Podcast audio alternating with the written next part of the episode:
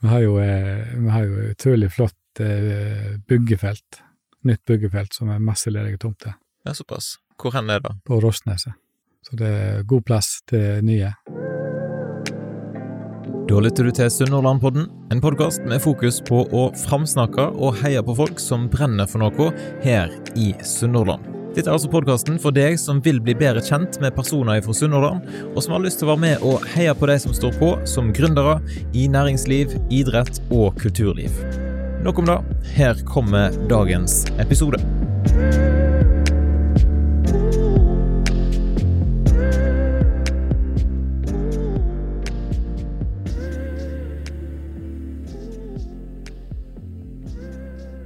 Hvordan er det å flytte fra Island til Fitjar? Da og masse mer skal du få høre om i denne episoden av eh, Sunnmørpodden. Velkommen, Rappi Torsteinsson. Takk, takk. Hvis vi begynner med å spørre hvem er Rappi? Og så må du si hva er egentlig fornavnet ditt, for det klarte ikke jeg å si. da. Eh, Fornavnet mitt er Rapp. Eh, betyr ravn. Men alle kjenner meg som Rappi. Og hvem er du? Jeg er egentlig en som ble vokst opp på en liten plass på Island. Faktisk mye mindre enn Fitjar. Det var 700 innbyggere. Ja, såpass. Eh, veldig sånn trygg oppvekst. Så hadde jeg en bror som var eller som er elleve måneder eldre enn meg, så jeg hadde jo en kompis i han gjennom oppveksten. Og vi hadde jo jeg har stort sett alltid, alltid hatt samme vennene, eh, iallfall inntil vi flytta ifra Fitjar. Eh, jeg kom jo snart kjapt tilbake igjen, da, men han eh, bodde i Trondheim. Ja, sant. Ja. Du beskriver deg sjøl som en skikkelig Fitjar-patriot. Ja, jeg vil egentlig si det. Eh, selv om jeg sier heim når jeg skal til Island, så reiser jeg hjem tilbake til Norge òg. Sant? Begge veier. Ja, hvorfor, hvorfor har du blitt det? jeg vet ikke, jeg, jeg har likt meg veldig godt på Fitjar, men ble jo tatt veldig godt imot eh, helt fra dag én. Og, og eh, har jo vært engasjert i litt politikk. Eh, Fitjarfestivalen, Frivilligsentralen. Ja, du har hatt ganske mange roller, og vi skal komme litt eh, tilbake til det. Men hvis vi tar da navnet ditt, og Rappi. Ja. Du må forklare litt eh, hva er historien bak det? Rent bortsett fra at eh, det var vanskelig å si det først, første navnet. Eh, første navnet er jo eh, Jeg ble jo døpt på grunn av at jeg eh, hadde veldig masse svart hår. Eh, ravn, ravnsvart hår. Og så hadde jeg Alle på Island hadde et kallenavn. Og mitt var Rappi. H-R-A-B-B-I. Så når det kom til Fitjar, da, så var det jo enklest å si Rappi, da. Eh, Betyr det noe, da, det kallenavnet? Nei. Det er bare, en, Det er enklere. bare en, en, et kallenavn. Ja. si. Eh, Og så har jeg lest at du har sprunget et ultramaraton på Island. Ja, jeg hadde egentlig sånn eh, mål å, å ta den turen før jeg ble 50. Jeg trente jo masse da jeg var eh, yngre, eh, både svømming og friidrett på Island. Og så, eh, på, i mine voksne år, så trente jeg ikke så mye, og så hadde vi sånn fellestur i DNB, der vi skulle gå over fjellet, fra Stord til Fitjar, og så gå på revy om kvelden. Den tradisjonen vi har hatt faktisk i åtte år nå. Og første året så var jeg så sliten når jeg kom til toppen, at nå tenkte jeg at nå må jeg begynne å trene. Og da begynte jeg egentlig bare å gå mye til å begynne med, og så begynte jeg å jogge, og så reiste vi i lag, eh, en gjeng fra DNB, til Stockholm som har halvmaraton. Og så er det en veldig fin eh, turløype på Island som heter Løgavegur. Eh, utrolig flott. Du, du går over månelandskap, eh, over varme elver, kalde elver. Går i sand, lava, skog. Og, den, eh, og der hadde jeg en sånn ultramaraton.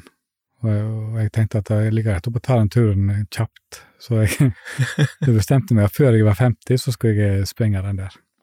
Hvordan gikk det? Det gikk egentlig ganske, ganske bra. Jeg ble ikke hevet ut, underveis. Det var jo sånne tre sånne målestasjoner. Det var ikke sånn kjempetid, men eh, det var utrolig flott tur. Var det sånn tidskrav, da, fra den ene til den andre? Ja. Så jeg hadde god margin på det, det og så tok jeg det litt med ro og tok masse bilder på veien. Det var veldig, veldig kjekt. Ja, hvor langt er et sånt eh, løp? Det, var 56 kilometer. Det er jo et relativt godt stykke. Ja, og veldig mye opp og ned. Så jeg mista faktisk fire negler etterpå. Ja, såpass. Og det var jo mest på grunn av når det var så bratt nedover. Men har du fortsatt å springe? Ja, jeg springer en del på fjellet på Fitjar, og når jeg er- lei av å springe i fjellet, så tar jeg rundt Ådlandsvatnet eller i eh, Landåsen. Vi har en plan om å reise til Valencia neste oktober og springe halvmaraton. Du og en gjeng? Ja. Flest, flest mulig, egentlig. Vi, sier, vi, vi sier det til flere, så det er bare til å melde seg på. Sant? Så hvis noen lytter nå, så er det bare til å hive seg med. Ja. Tilbake til Island, og du vokste opp der i en relativt liten bygd, sa du. Ja, Eh, hva heter den? Kvamstangi heter det, på nordvest-Island. Stemmer. Er det et sånn sånt selmuseum der? Ja. Der har vi googla oss fram. Du må fortelle, eh, for det var liksom det ene, den ene tingen som var i den bygda, sånn som jeg fant ut. Ja, er eh, det, er det er faktisk veldig mye der. Ja. Eh, når du tenker på hvor liten bygda er, så har de idrettshall, de har basseng, de har vindmonopol, de har bank, Det er såpass. sykehus, gamlehjem selvfølgelig, skole, barnehager, slakteri. Ja, så det Det er ganske bra med 700 innbyggere. Ja, altså nå har de slått sammen noen kommuner, da, men bygda er like stor, men kommunene blir litt større, for det er mer av oss her eh, bondegårdene rundt om som er blitt innlemma i kommunen. da. Stemmer. Og så leste jeg en plass at dere har fire måneders skoleferie. Eller at du hadde det. Ja, Vi hadde det. Det hørtes veldig masse ut. Mm. Spesielt når foreldrene ikke hadde ferie. Ja. Men er det vanlig? Er det sånn på Island? Nei, ikke, fortsatt? ikke noe Nei. lenger. Men det var, det var sånn. Fra mai til september, egentlig. Altså slutten av Såpass. Hva, hva gjorde dere på en så lang ferie? Nei, da I og med at foreldrene ikke hadde ferie, stort sett eh, Folk jobba jo veldig mye. Både stefaren min og, og mamma jobba jo ti-tolvtimersdag. timers dag. Eh, så un, un, ungene ble stort sett sendt, sendt på, på bondegårder for å jobbe. Og jeg ble sendt første gangen, eller jeg, jeg greide meg vel til det, egentlig, først, første året, da. For broren min han fikk lov å reise på en bondegård, og så var jo jeg litt lei meg, for jeg, jeg var egentlig litt for liten da. Eh, Men så var det ei, ei bondekone som solgte egg til oss, som eh, kom akkurat når jeg var litt lei meg, da. Så hun sa at eh, 'jeg tar det med meg, jeg'. Så det- der var jeg faktisk i fire somre.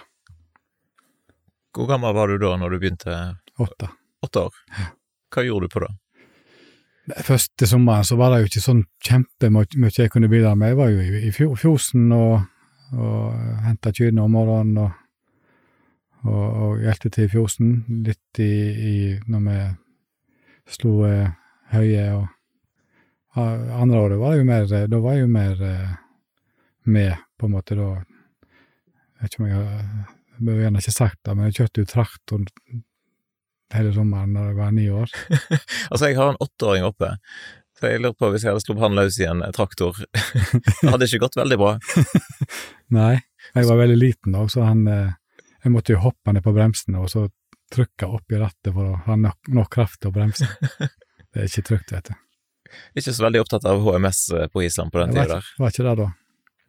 Men bonden tok alltid de ytterste rundene, da, så det var ikke noe skumle grøfter og sånt da. Det var første året. Og det gikk greit, du kjørte ikke over for mange eh, Nei, det gikk veldig greit. Så sist, siste året jeg var der, eh, da var jeg jo elleve, da eh, kjørte jeg faktisk lastebil og henta høy rundt omkring. Og. Såpass. Men det var jo inne i en dal, så vi var ikke ute på hovedveien. Men tidlig krøkast, det er det noe som heter da. Så, Ja, det er jo det. Mamma visste jo ikke noe om dette her, da. Nei, sant. Ikke før etterpå. Hva sa hun da når hun fant ut av det? Nei, hun, det var jo for sent da, men hun hadde jo sagt til bonden at uh, det var én ting jeg, han ikke måtte sette meg til, det var å kjøre traktor. Så han venta et år, da. Lurt. Og så i 1983 så fant dere ut at dere skulle reise til Fitjar. Ja. Hvorfor akkurat Fitjar? Eh, mamma gikk på husmorskolen der når hun var 16. Så hadde jeg venninner venninne på Fitjar som hun brev, brevveksla med. Det var jo ikke Facebook og sånt eh, i den tida. Så ble jeg sendt brev frem og tilbake, og Så snakket vi om det var jo veldig Det var jo 130 inflasjon eh, på den tida på Island, så 1980-tallet. Og så snakket vi om at eh, det hadde vært kjekt å reist og bodd i Norge et år eller to. Og dette skrev hun i brevet til venninna si, da. Og så i neste brev hun fikk i retur, da, da hadde hun snakket med, med skolen, og da, med å bare til å komme, vi var vel, hjertelig velkomne. Og, og både mamma og, og stefaren min hadde fått jobb hvis de ville komme, da. Så da bare pakka vi saken og for. Skulle være i maks to år, da. Det ble litt lenger. Ja, heldigvis. Det var meg og, egentlig meg og broren min som ikke ville hjem igjen. Eh, Jeg tror nok eh, foreldrene våre òg eh, syntes det var veldig greit å bo i Norge. Men hvordan var det da å flytte? Hvor gammel var du da? Da var du 13. 13. Mm.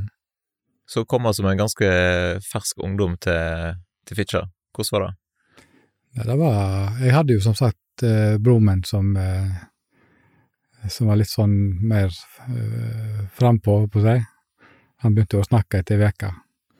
Snakket masse feil, selvfølgelig, men, eh, men han var iallfall frampå, mens jeg holdt eh, egentlig kjeft i tre måneder før jeg lærte det, før jeg kunne det, før jeg, før jeg begynte å snakke. Det er litt forskjellige der.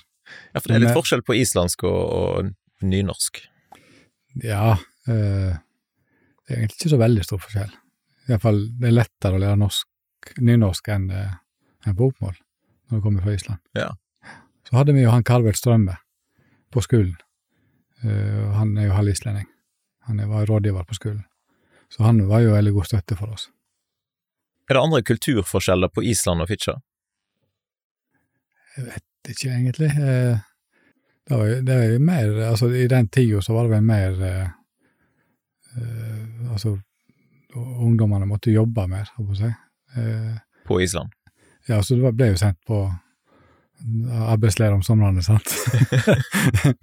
Eh, Mens eh, så kom til Fitjar, og så kunne vi bruke sommeren på båt og i øyene. Og, men, men det er ikke stor forskjell. Altså, det var litt, det var litt morsomt. Vi fikk høre det lenge etterpå. Eh, som her i klassen, de fikk jo høre at det skulle komme to islendinger i klassen. da. Og Så var det så overraskende når vi kom inn og hadde vanlige klær på oss.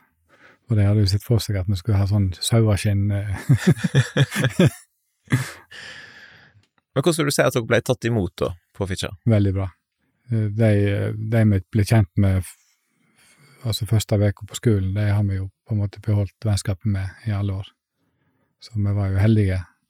Heldige med klasse, og heldige med lærere, og heldige med venner, sånn sett. Så er veldig godt tatt imot.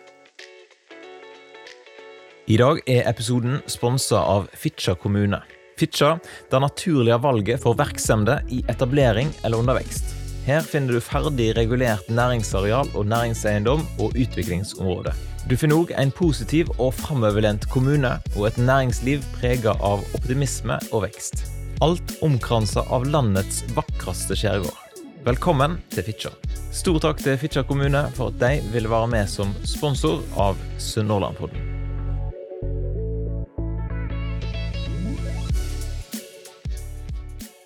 Du var vant til å jobbe på Island.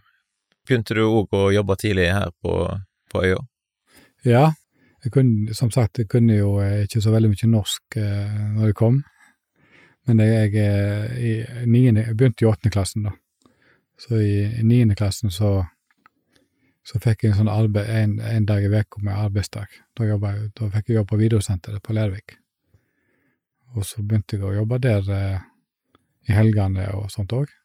Så jeg var faktisk eh, der egentlig ti år både i helger og skoleferie, og så jobba jeg i sommerjobba i Sparebanken Vest, eller Fitjar Sparebank var det jo da, faktisk, første året, og så ble det Sparebanken Vest. Der hadde jeg tre somre, da. Men var, var det videokiosken på Lærvik eller videokiosken på Fitjar? Det var videosenteret på Lærvik, Ja, eh, oppe i Borggata var det da. Og så eh, flytta jeg ned C, og så starta jeg opp på Heiane, og så starta jeg på Fitjar, så jeg var litt alle plasser, da. Stemmer. Hvordan går det forresten med videokiosken på Fitjar? Det er jo ikke så masse videoutleie nå lenger.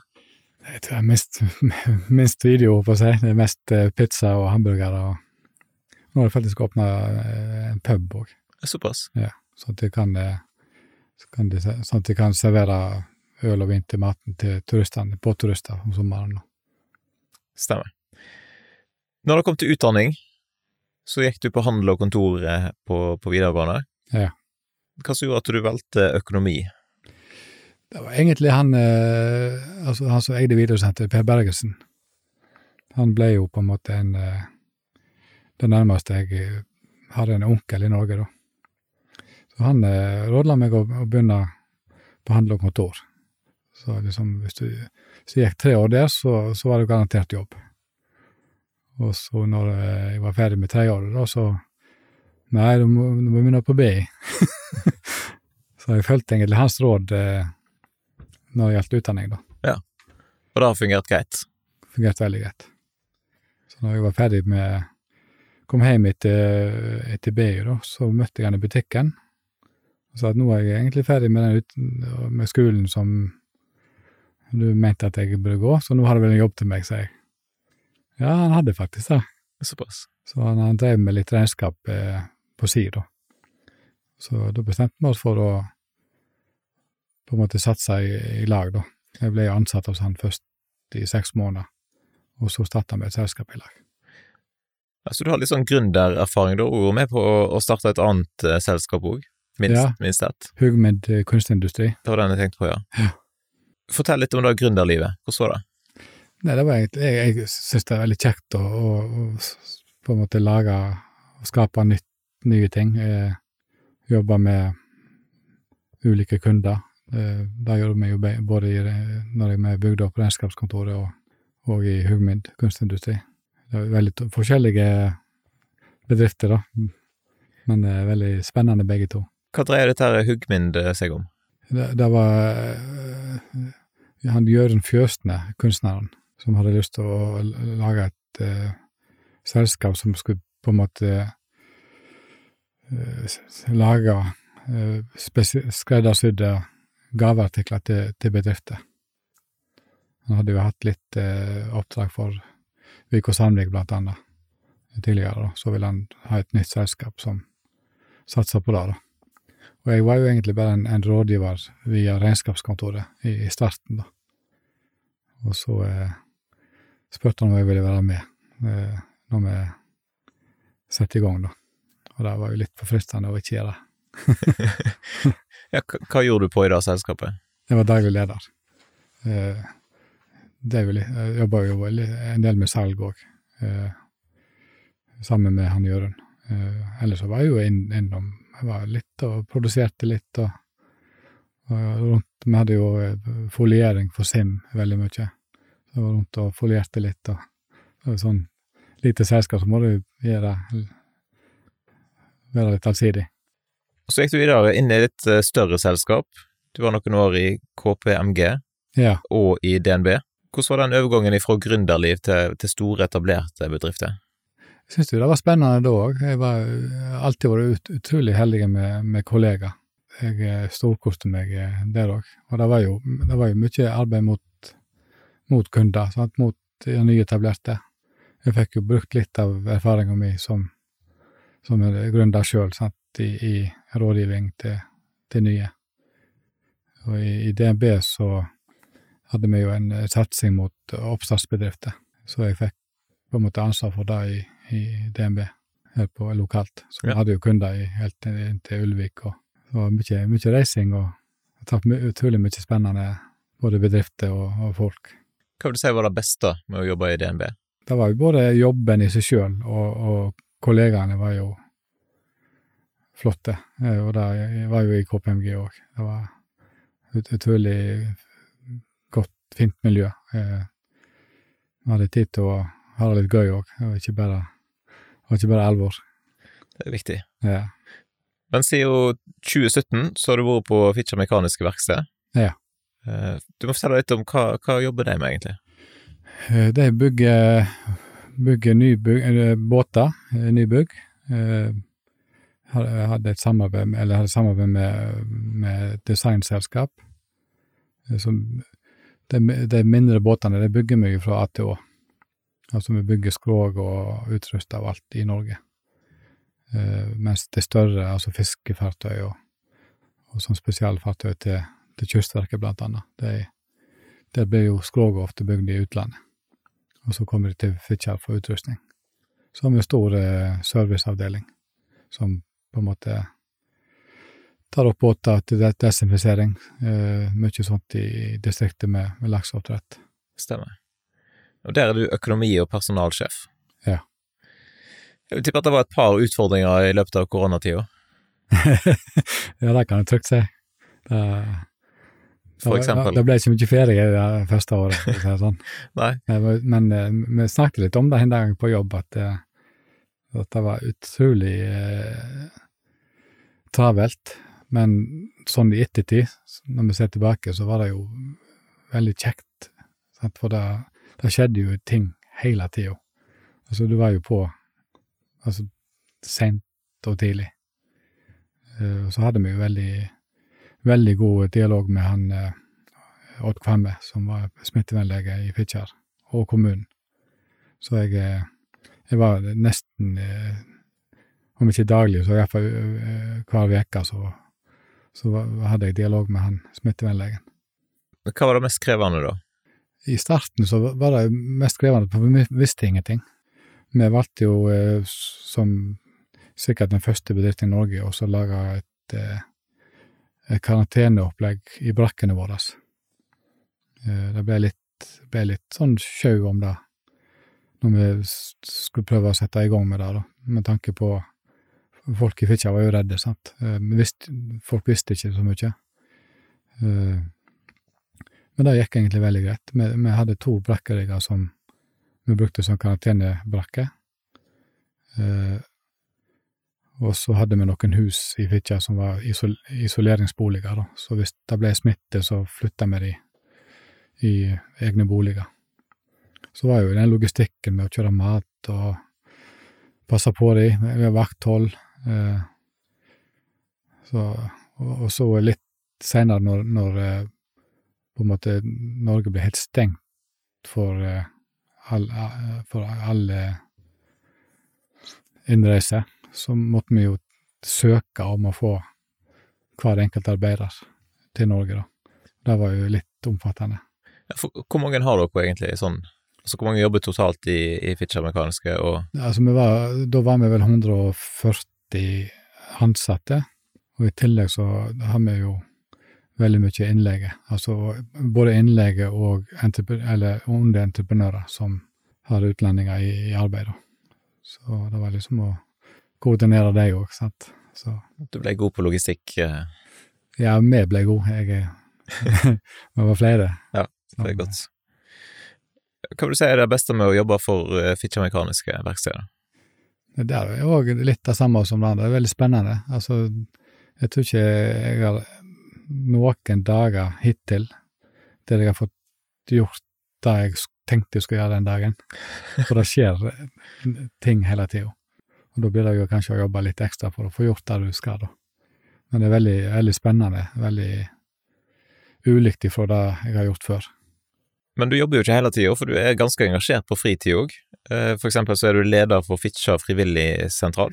Ja. Hvordan ser det ut? Eh, Det er jo eh, egentlig litt sånn hjertebarnet mitt. Eh, Når jeg var i politikken på 90-tallet, så, så var jeg med i sånn eh, interimstyre for å prøve å få på, på beina en frivillig sentral i Fitjar. Eh, og da ansatte vi faktisk hun Ellinor Bergesen, eh, som jobber der fortsatt. Så eh, vi gjorde et godt valg. Eh, og så var jeg styreleder i, i, i starten, da. Og så da jeg begynte i, i KPMG, så hadde jeg ikke lov å ha styreverv. Så da var jeg ute noen år, og så kom jeg inn igjen når jeg eh, hadde lov til det. Har vært med noen år nå. Men hva type arbeid gjør en sånn frivillig sentral? Det er ingen frivillig sentral som vi liker, tror jeg. Vi har jo eh, blant annet matutkjøring til folk som er hjemme. Vi kjører ut sand og, og sånt hvis det, når det er glatt. Eh, vi har eh, seniormiddager eh, og jobber veldig mye med forebygging. Altså og trim for, for de eldre. For hvis jeg på en måte klarer å holde seg i form og da kan jeg faktisk bo lenger hjemme. Sant? Det blir jo en samfunns, veldig samfunnsnyttig. Og nå i koronatid så har jo vi, eller jeg sier vi, altså det er jo Elinor og de ansatte som, som har organisert eh, vaksinasjonen, eh, litt vakthold i, på gamlehjemmen. Og så har hun eh, organisert egentlig sånn hvis noen trenger følge til sykehus, så har hun frivillige som tar seg av det. Og ungdommer som Litt sånn samarbeid mellom skolen, videregående, og som hjelper til litt òg. Så det er utrolig mye oppe hus for ungdommene her med hver onsdag. Sikkert tusen andre ting òg. Hvor mange er totalt med som frivillige, vet du det? Jeg tror vi er 70-80 aktive frivillige til hver tid. Mer eller mindre. Noen er veldig aktive, og noen har sine oppgaver. Har dere merka noen forskjell etter koronatida? Altså gikk eh, iallfall en del plasser så har jo antallet aktive folk gått ned. Det har faktisk økt. Ja. Eh, vi har fått veldig mye nye frivillige de siste par åra. Så vi, vi, det kan jo ha det litt med å gjøre at vi, vi jeg mener at vi har blitt mer synlige. Vi er litt flinkere nå å fortelle at vi, at vi finnes. Ja, hvordan gjør dere det? Nei, det er jo folkemunn, og kommunen har vi hatt veldig godt samarbeid med de siste, siste åra, føler jeg. Jeg har fått et helt annet samarbeid med kommunen, og egentlig en helt annen aksept for at vi er viktige i kommunen. Hvordan er det med ungdommen, da? Er de gira på dugnad? Da finnes det jo sikkert ungdommer som er, er gira på dugnad, og jeg merker, for jeg, jeg, har jo to unger som har reist til Polen på sånn eh, hvite bussreise, og da er det jo litt dugnader for å finansiere turen, da. Og da hadde jeg kommet hjem og sagt eh, det var utrolig kjekt, det var så sosialt og, og gøy. Og da hadde jeg liksom sagt ja, det, det er jo det som er dugnad. så eh, Nei, Fitjar er faktisk veldig flinke med dugnad, altså.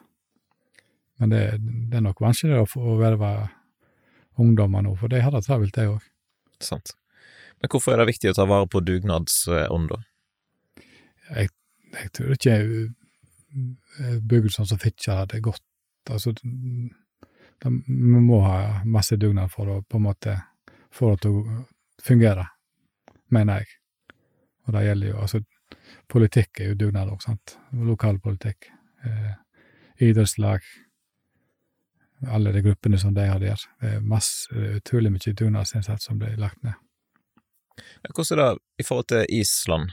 Er det samme dugnad som der eh, som Iallfall i den lille bygda eh, som jeg vokste opp, så er det veldig mye Jeg merker Når jeg reiser opp nå, så ser jeg det òg. Det er veldig mye sånn spesielt mot mot det gamle så er det veldig mye aktiviteter, og folk stiller opp. Og. Men når det gjelder idrett og sånt, så er det jo mer På Island er det jo mer at det er Selv om det idrettslaget er frakobla skolen, så er det ofte betalte trenere, håper jeg. Sånn som det er, en, det er jo en grunn til at, at Island jo, hadde jo ekstremt mange fotballproffer tidlig. Og det er jo på grunn av at de har altså lønna trenere ifra, ifra ungene begynner å springe etter ballen, mens eh, jeg, til og med jeg har vært trener i fotball på Fitjar, og jeg har jo aldri spilt fotball sjøl. Så det er kanskje derfor ikke så mange fotballproffer på Fitjar? jeg var ikke så lenge, da. sånn, men, men, hva gir det deg personlig, da, å være engasjert i Fitjar frivilligsentral? Nei, jeg, eh, jeg mener at eh, det å kunne bidra enten med som styremedlem eller styreleder, og, eller jobbe dugnad ute i felten, det, det, gjør, det gjør noe med psyken òg. Jeg, tror det, altså, jeg tror det er bra for helsa, rett og slett, å føle at du kan, er med og bidrar. Så hvis noen lytter og har lyst til å engasjere seg, hva kan de gjøre? Det er kontakter er både enten idrettslag eh, eller frivilligsentraler. Eh, frivilligsentralene har masse oppgaver som skal gjøres, eh, og det er flere frivillige som kan, kan bidra. De mindre sliter med ut det som ofte blir spurt, sant. Det er jo ofte sånn i, i mindre bygder så er det de samme som blir spurt. De som sier ja, de blir spurt. Og så delte dere ganske nylig ut en frivillig pris. Ja. Hvem var det som fikk den i år på Fitjar? Anne Marie Rød. Vi ber jo folk om å nominere folk til Frivilligprisen. Og det er så mange som gjør det så masse, som ikke jeg var klar over. Jeg, jeg visste jo hvem Anne Marie var, og visste at hun var aktiv i, i, i bedehuset og sånt, men uh, alt Altså, hun, er jo så mye, gjør jo så mye mer. Uh, hun vil jo Jeg tror utgangspunktet så vil ikke hun synes så godt. Hun, hun vil jobbe med det hun har lyst til å jobbe med, uten at det skal Hun gjør så mye av seg. Og det er veldig, greit, veldig kjekt å kunne dra det litt fram og, og, og, og gi, gi henne en pris, altså. Og så har du òg leda Fitjar næringsråd fra 2018. Ja. Det har jo vært litt sånn eh, litt liten aktivitet der eh, i og med at pandemien kom veldig brått på oss. Men vi prøver å, å, å egentlig få det litt mer på gang igjen nå. Så, men, men det er dugnadsarbeid, det òg, så vi, vi, har jo jobb hele gjengen som, som, er der. Men hva er Fitjar næringsråd for noe, eller hva innebærer det? det? er jo egentlig bare en interesseforening for næringslivet i Fitjar. Men hvordan er det da å jobbe for å utvikle næringslivet på Fitjar? Altså, er det noe spennende ting på gang? Ja, vi har jo ordføreren med i næringsrådet, så han, det er jo han som er på en måte næringssjef i, i kommunen. Så han informerer, informerer jo oss andre hva som skjer, og, med, og så er vi Styret er jo mer sånn ordna med Altså ha møter hvis det er folkemøter, eller med næringslivet hvis det er ting på gang som, eller som er litt, litt involvert i denne jula, julagata. Der er det jo sånn grantenning, og, og der er vi litt involvert. Sånn med, økonomi, økonomi, med økonomisk støtte da, til litt lys og nå, nå, har vi et samarbeid med Stord næringsråd.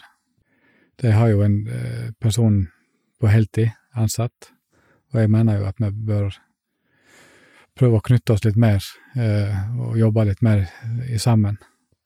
Så eh, mitt håp er at eh, neste årsmøte eh, velger å melde Fitjar næringsråd inn i Stor næringsråd som et gruppemedlem.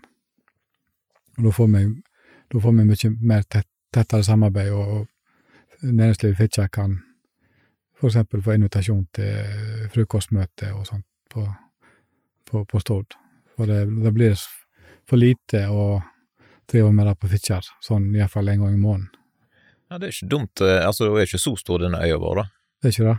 Så det går kanskje greit å samarbeide. Ja, og det er jo det er jo en av Fitjar har sine ting, og Stord har sine ting, og Bømlo sine ting, så hvis vi på en måte jobber litt sammen, og så tror jeg det blir eh, veldig bra. Jeg fikk tips om at jeg måtte spørre om hva Håkelklubben er for noe? Ja, det er utgangspunktet så er Håkerklubben en fiskeklubb, eller var en fiskeklubb. Eh, noen venner, en vennegjeng som eh, hadde planer om å reise på i hvert fall en årlig fisketur, eh, og da var jo Håkelen, Altså, det, det skjer ut forbi ut forbi Brandasund. Det var det som var målet, da. Vi har ikke fiska så mye der. Og så eh, Og så eh, har vi vært med på fotballcupen, Indercupen på Fitjar, og da har vi hatt eh, laget vårt etter hockeyklubben, og det har vi jo fått den andre, da, selvfølgelig. For vi er ikke så mange av oss som, så, som spiller fotball, da. Og vi var ikke så mange i klubben heller. Men det starta faktisk med oss i fiskeklubben, da. Og så eh, bestemte vi oss for å, å Vi hadde lyst til å gjøre noe i lag, eh, sånn forretningsmessig òg. Og da starta vi et aksjeselskap og kjøpte noen eiendommer, tomter og to leiligheter i Fitjar, eh, som vi nå har solgt alle, Og så kjøpte vi kjøpte vi to leiligheter i Myrkdalen som vi leier ut på åremål. Og så eh, fant vi ut vi måtte ha noe i varmen òg, så har vi kjøpt en leilighet i Albir til utleie, da. Og det er jo litt for å på en måte ha tenke litt på pensjonen, og, men mest for å ha noe felles. Og, og det blir jo mye møte, uformelle møter, og måte vi samles og, og ha det gøy. Så det er liksom hovedpoenget, da. Høres ut som en kjekk klubb. Ja. På både fisking og fotball og litt, litt forretning. er det andre tiltak på, på Fitjar som du har lyst til å framsnakke når du er her? Nei, Fitjar generelt. vi, har jo, eh, vi har jo utrolig flott eh, byggefelt. Nytt byggefelt som er masse ledige tomter. Ja, såpass. Hvor hen er det? På Rosneset.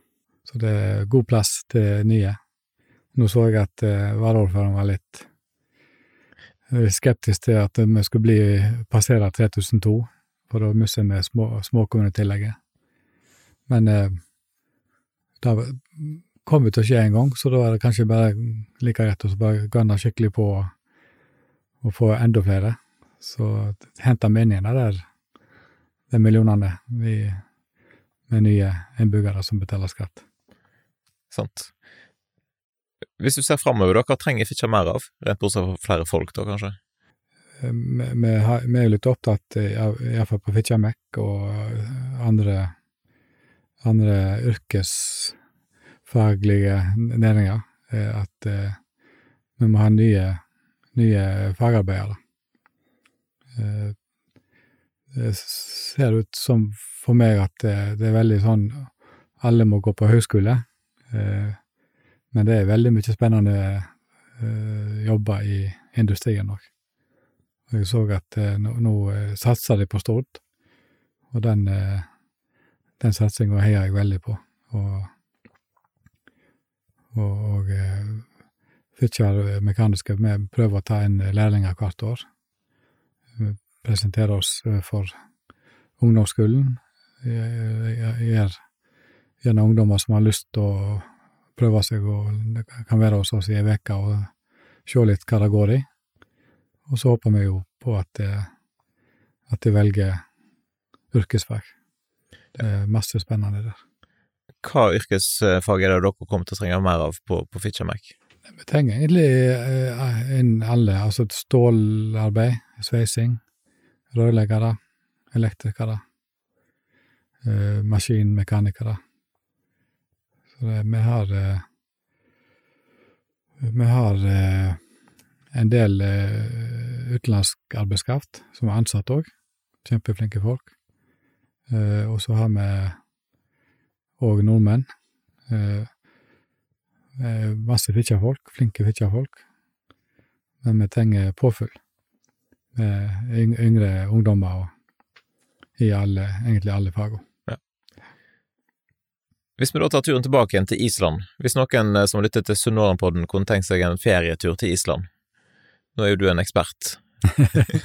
ja. Eh, hva vil du si er dine beste islandstips? Ja, det er jo egentlig mange. Altså det, det vanlige, typiske eh, turistmålene er jo Gullfoss og Geysir og Blå lagune. Eh, men det er så utrolig mye mer. Eh, den der Laugavegård, som jeg eh, sprang. Utrolig flott tur. Det er litt lang, kanskje? Ja, du kan du gå an på to-tre dager. Ta telt med deg. Ja, sant. Og så er det òg hytte der på veien. Uh, og Gullfoss og Geysir og, og, og Blå lagun, er jo på Sørlandet, rundt Reykjavik. Uh, så kjører nordover, det som egentlig forbi den plassen jeg vokste opp på. Da er det utrolig mye fint landskap. Vestfjordane, utrolig flott eh, landskap. Eh, nå, nå, prøver de å, å, på en måte få turistene litt med til å reise nordover og vestover, for det iallfall rett før pandemien, så var det ganske så mye turister, turisme på, på, Island. Og det ble nesten litt sånn fullt. Eh, Og jeg, jeg, for meg som islending som reiste hjem på som turist til Island, Uh, syns egentlig ikke det var så veldig kjekt. Rett og slett for masse turister. Ja, det var, det var jo veldig satsing på turisme etter finanskrisa. Uh, burde kanskje ha satsa litt mer på på ikke, ikke den masseturismen, men mer uh, gjerne litt rikere turister som som ikke tråkker ned hele landet. Sant. Veldig mye av disse her severdighetene er jo gratis å gå, gå og se. Sant? Gullfoss og Geiser koster jo ingenting. Og, men det, jeg tror grunneierne måtte begynne å gjøre inn og, og ta seg betalt, for det ble jo Altså, det ble ødelagt. Altså, det ble for mye. Naturen ble, fikk for mye stor belastning. Sant. Så det er greit å spre seg utover, og det, det er fint egentlig overalt. Eh, når jeg har vært på på ferieturer så har jeg tatt stort sett annenhver sommer når ungene var små, så hadde vi alltid en, en biltur, da. Enten sør eller vest eller øst eller Og så litt av Island. Så det, det er fint overalt. Er veldig spesielt. Altså, det er ikke alle som syns den turen fra flyplassen til Reykjavik er så fin, men det, for det er jo månelandskap. Noen kaller det for askebeger, men jeg syns det er fascinerende. Hva årstid er best? Med tanke på været? Ja, Hvis du skulle anbefalt folk å reise som turist? Jeg tror nok august, tidlig september, tror jeg er en veldig fin, fin tid å reise. Og kan det være fint vær? Det kan òg være skikkelig drittvær midt på sommeren. Men stort sett, hvis, hvis du har bil, så kan du kjøre der det er fin, fint vær. Så da har vi jo, da har vi jo disse turene våre på Island, så har vi egentlig bare bestemt oss der og da, og der var det varmt og litt finere vær, da kjører vi dette. Og det er jo basseng over, overalt, utebasseng. Jeg, vi elsker jo å bade, vi er jo i basseng iallfall en gang for dagen. Det er såpass? Og det er basseng gjerne ned på ei strand inntil et fjell, nat naturlig basseng. Du kan kjøre en halvtime fra Reykjavik og så gå opp i en dal, og der er elv, varm elv som renner ned. Du kan, jo lenger opp du går, jo varmere blir den. Så det, det er fascinerende. Ja, hvordan er det med disse vulkanene nå? Det var jo ikke så lenge siden det var noe utbrudd? Ja, det var noe i Det var i fjor først, og så kom, var det en sånn måneds tid nå i, i Det var vel i tidlig høst. Så jeg håpte jo at han skulle holde på litt lenger, da, for jeg skulle hjem i jeg var, jeg var jo hjemme i november. Og det, det, var jo sånn Den var jo der at når du kom inn med flyet inn til, inn til flyplassen, så så du jo vulkanen ut vinduet. Det er spesielt. Det hadde vært utrolig kjekt å oppleve. Men det er ikke farlig? Ikke det som var nå. Jeg vet ikke. Det var såpass langt ifra folk, og var litt, eh, var litt redde for ei lita bygd eh, ikke så langt ifra Blå, Blå lagunen. Men eh, det bygde noen sånne ekstra vern, så gikk det bra, da. Hvis vi tar turen tilbake igjen til Fitjar, da. Hvis noen som lytter vurderer å flytte til Fitjar, du sa at det var ledige tomter. Mm. Hva er dine beste sånn, tips for å komme inn i lokalmiljøet på Fitjar? Jeg tror nok det er å engasjere seg. Eh, det er mange eksempler på, på folk som har kommet flytta til Fitjar, og, og de er engasjert i idrettslag. Klart, har du unger i, i, skolen, så er det jo lettere. Ja, engasjere i idrettslag. Når vi forhåpentligvis får Fitjarfestivalen opp og gå igjen, sant, så ja, engasjer. Engasjer deg. Ja. Det, du blir godt tatt imot.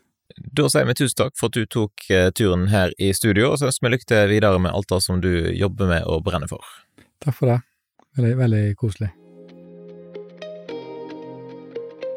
Takk for at du lytta til dagens episode av Sunnhordlandpodden. Og har du lyst til å gi en tilbakemelding, så er det kjempestas om du sender en melding enten til meg eller til gjesten som jeg hadde med meg i dag. Det er alltid inspirerende å høre ifra deg som har lytta til episoden, hva du syns. Har du lyst til å gi podkasten en vurdering i Apple Podcaster eller noen stjerner på Spotify, så setter jeg òg stor pris på det. Har du kritikk og konstruktiv tilbakemelding, så er det jo kjempestas om du sender en e-post til f.eks. post etter sunnhordlandpodden.no.